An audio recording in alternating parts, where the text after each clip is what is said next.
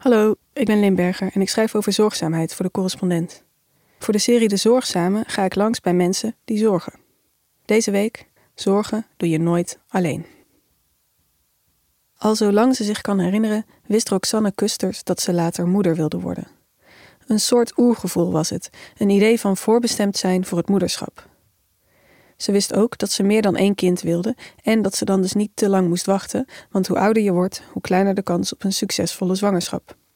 Maar, vertelt ze, ik kwam steeds maar niet die partner tegen van wie ik dacht: daar wil ik wel kinderen mee, of hij met mij.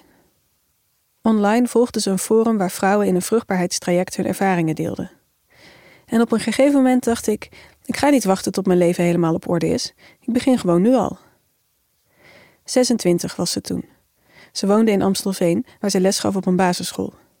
Het AMC had een vruchtbaarheidskliniek waar aspirant solomoeders terecht konden, maar daar moest je minimaal 30 jaar oud voor zijn. In het ziekenhuis in Utrecht was er geen leeftijdsgrens en de ethische commissie besloot dat ze in aanmerking kwam voor een KID-traject. Op haar 27ste was ze zwanger, dankzij een zaaddonor van wie ze niet meer wist dan dat hij sluik haar heeft en bruine ogen. Haar dochter Hanna werd in 2014 geboren en twee jaar later volgde haar zoon Ezra van dezelfde donor. En afgelopen november kwam baby nummer drie, Sarai, een meisje. Roxanne, nu zijn we compleet.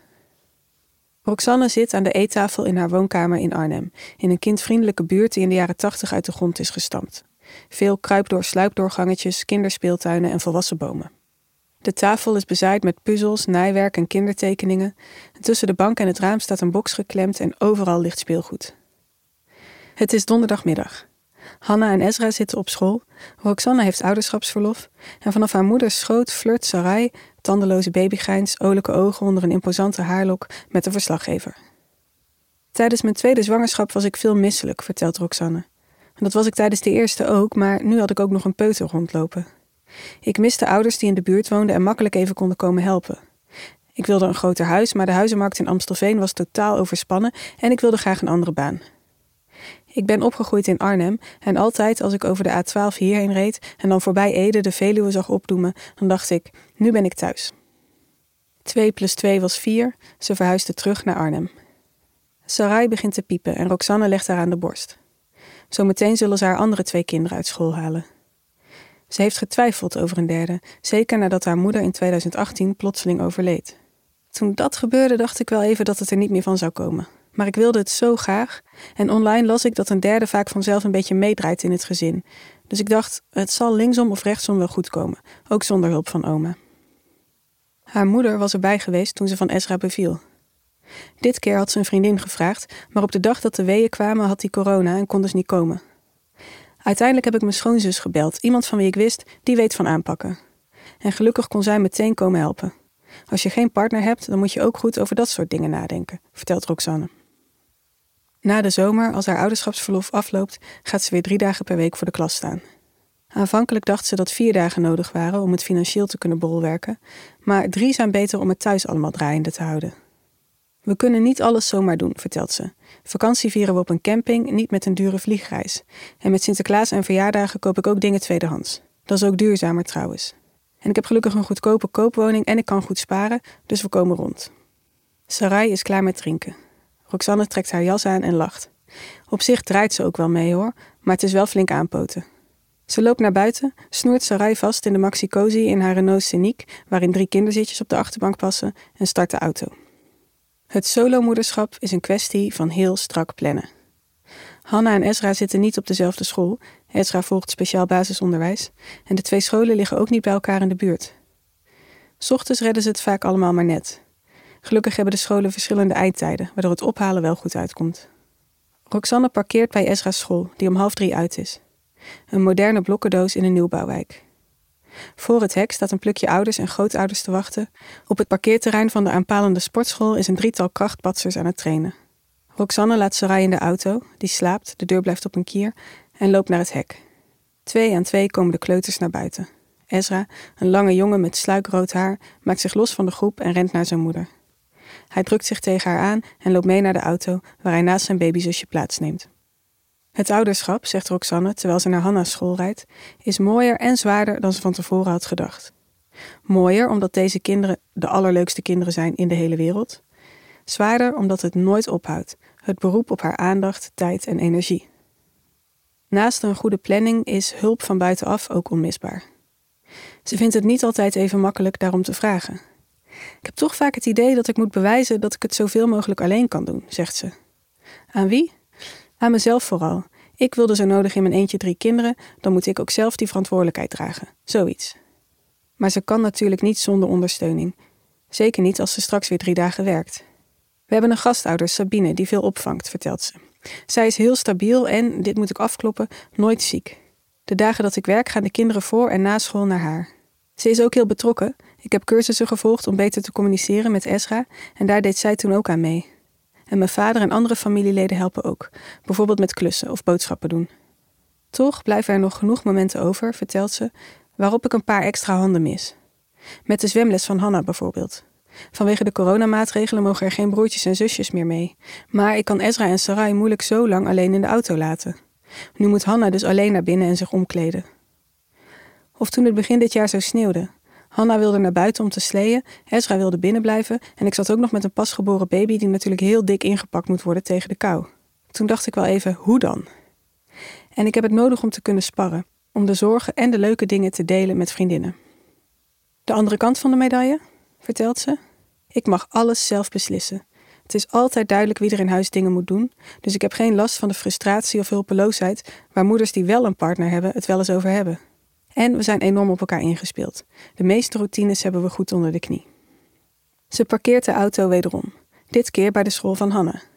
Sarai blijft nog steeds in de auto slapen, Roxanne en Ezra lopen naar het plein. Daar komt haar dochter aangehold. Lang bruin haar in een paardenstaart, kleurige jurk, rode regenlaarsjes op een zonnige dag. Ezra vraagt of hij nog even van de glijbaan mag. Dit schoolplein is een stuk spannender dan dat van hem. Dat mag en de kinderen rennen er vandoor. Waar Roxanne ook veel steun aan heeft? Een groep solomoeders die ze leerde kennen via een vriendin en met wie ze nu in een Facebookgroep zit. We geven elkaar tips en advies en ook veel emotionele steun. Dit zijn vrouwen aan wie ik niks hoef uit te leggen, die altijd precies begrijpen hoe ik me voel. Zoals op die dag met die sneeuw. Ik ben toen uiteindelijk wel met de kinderen naar buiten gegaan. Een enthousiaste dochter, een mopperende zoon en een piepkleine baby. S'avonds was ik bek af. En als ik dat dan vertel in de groep, dan zeggen die anderen: We horen je en je hebt het goed gedaan. Sommige jaren gaan ze samen op vakantie. Dan staan ze met zeven of acht gezinnen op de camping. Na de zomer staat er een lang weekend in een logeerhuis gepland. Ik vind het fijn voor mijn kinderen, zegt Roxanne, dat ze dan zoveel andere gezinnen zien zonder vader. Dat ze weten dat ze niet de enige zijn. Sinds corona spreken ze geregeld op vrijdagavond af op Zoom. Dan spelen ze een spelletje en wisselen ze intussen nieuwtjes uit over de kinderen. Over welke online boodschappenservice ze nu gebruiken, hoe het op het werk gaat en wie er wel en niet gebruik maakt van de noodopvang. Roxanne. En ook op andere vlakken hebben we veel aan elkaar. Toen mijn moeder overleed, kwamen meerdere moeders van die groep naar de uitvaart. Eén moeder kwam niet, maar ving al hun kinderen op.